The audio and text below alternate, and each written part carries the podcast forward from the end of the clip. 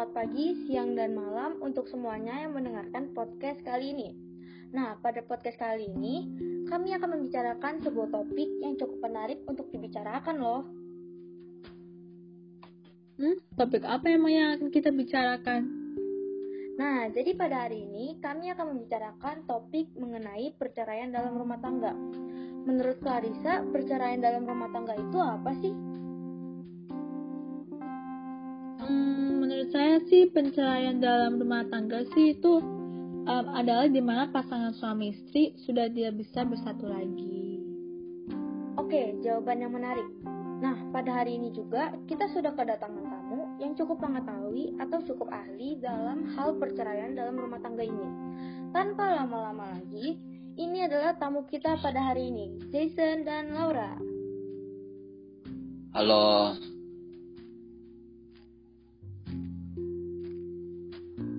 Halo Jason, halo Laura, apa kabar?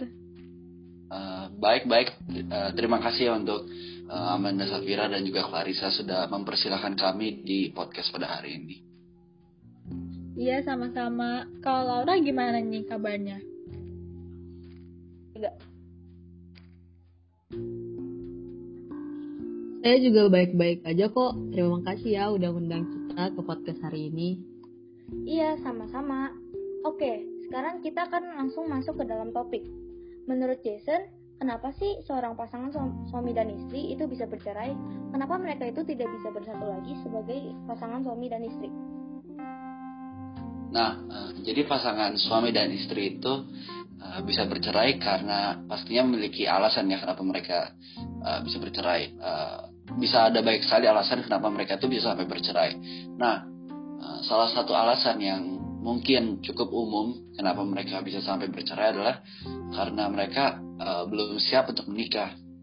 Nah, uh, salah satu alasan belum siap menikah adalah terkadang mereka itu uh, menikah di usia yang bisa dikatakan cukup muda sehingga mereka tuh terkadang masih bingung sebab untuk menikah kan artinya pasangan dari suami dan juga dari istri harus uh, pasangan suami istri intinya kan harus harus siap mereka berdua jadi mereka itu har, e, harus siap terlebih dahulu sehingga mereka bisa memiliki hubungan yang baik antara suami dan istri ya. Iya, sebab menikah kan adalah hal hal yang benar-benar serius. Menikah tidak boleh dianggap sebagai bercandaan, jadi mereka berdua harus benar-benar siap untuk menjalani hubungan uh, sampai selama lamanya gitu kan. Nah tambahan sedikit lagi, terkadang juga pasangan yang menikah di usia yang uh, muda, terkadang ekonominya tuh masih masih belum benar-benar stabil, masih belum benar belum benar-benar siap gitu kan.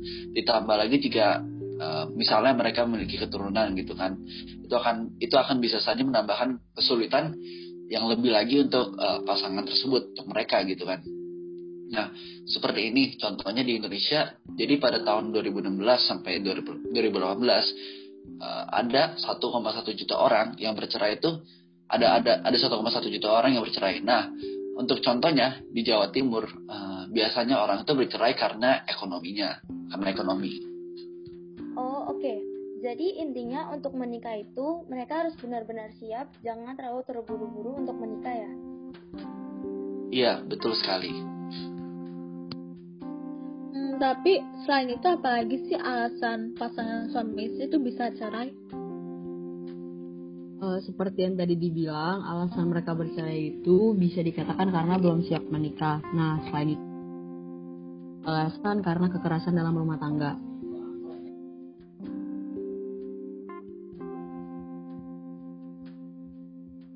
Kekerasan dalam rumah tangga juga bukan hanya dapat ber, uh, terjadi kepada sang istri, tapi juga kepada anak.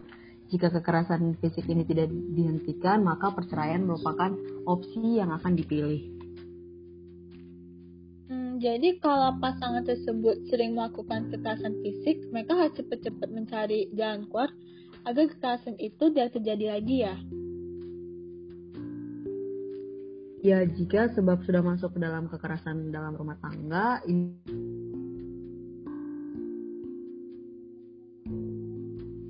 Iya, sebab jika sudah masuk ke kekerasan dalam rumah tangga, ini semua juga berhubungan dengan kenyamanan masing-masing. Oke, tadi kita sudah e, membicarakan tentang alasan-alasan e, mengapa e, pasangan suami istri itu bisa bercerai. Nah, sekarang kita akan membicarakan cara-cara agar perceraian itu bisa dicegah. Ya ini saya juga penasaran nih, gimana sih caranya? Nah, untuk mencegah sebuah perceraian, ada beberapa cara yang mungkin untuk dilakukan. Salah satunya ialah dengan berhenti berasumsi. Berasumsi mengenai itu bisa saja merusak hubungan suami istri dan akhirnya menuju ke perceraian. Di dalam hubungan suami istri perlu yang namanya komunikasi. Terkadang jika mereka sudah menikah dalam kurun waktu yang cukup lama, mereka bisa berasumsi akan sesuatu. Nah, hmm, untuk bisa berhenti berasumsi itu bagaimana caranya?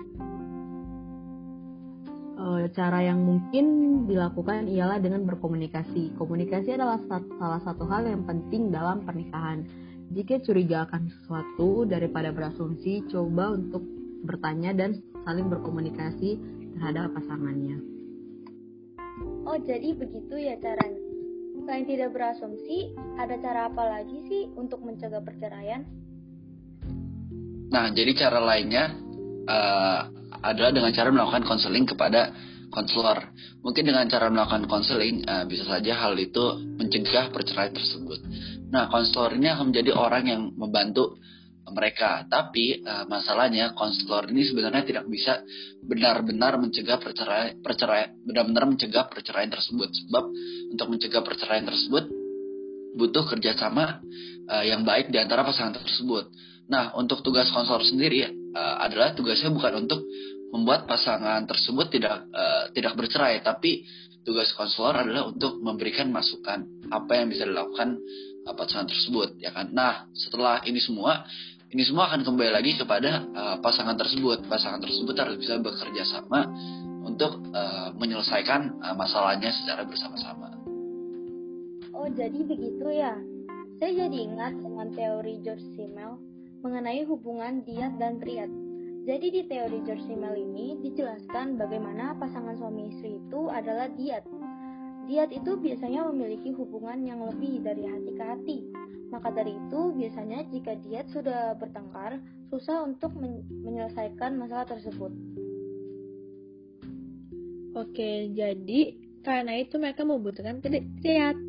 Mereka membutuhkan triad untuk bisa mencoba membuat mereka berdua itu memiliki hubungan yang baik lagi. Nah, tapi untuk kasus perceraian dalam rumah, rumah tangga ini, triadnya adalah konselor ya. Dan, di, dan dijelaskan bagaimana konselor itu belum tentu bisa membuat sebuah um, hubungan mereka itu baik lagi. Semuanya ya tergantung lagi kepada pasangan suami istri tersebut. Jadi kesimpulan dari semua ini adalah bagaimana dalam sebuah pernikahan ada kemungkinan uh, pasangan tersebut bisa bercerai. Perceraian itu bisa dicegah, tetapi juga bisa tidak bisa dicegah juga. Semuanya tergantung kepada kepada pasangan lagi. Untuk di dalam kasus ini, penceraian dapat dicegah oleh konselor, di mana konselor di sini itu membantu memberikan masukan kepada pasangan tersebut. Intinya adalah uh, untuk bisa menyelesaikan masalah, perlu adanya kerjasama yang baik, di mana pasangan suami istri itu dapat saling berkomunikasi dan saling mengerti satu sama lain. Oke, sekian podcast kami pada hari ini. Sekali lagi terima kasih kepada uh, tamu kita hari ini yaitu Jason dan Laura. Sama-sama. Sama. Sampai berjumpa di podcast selanjutnya. Dadah.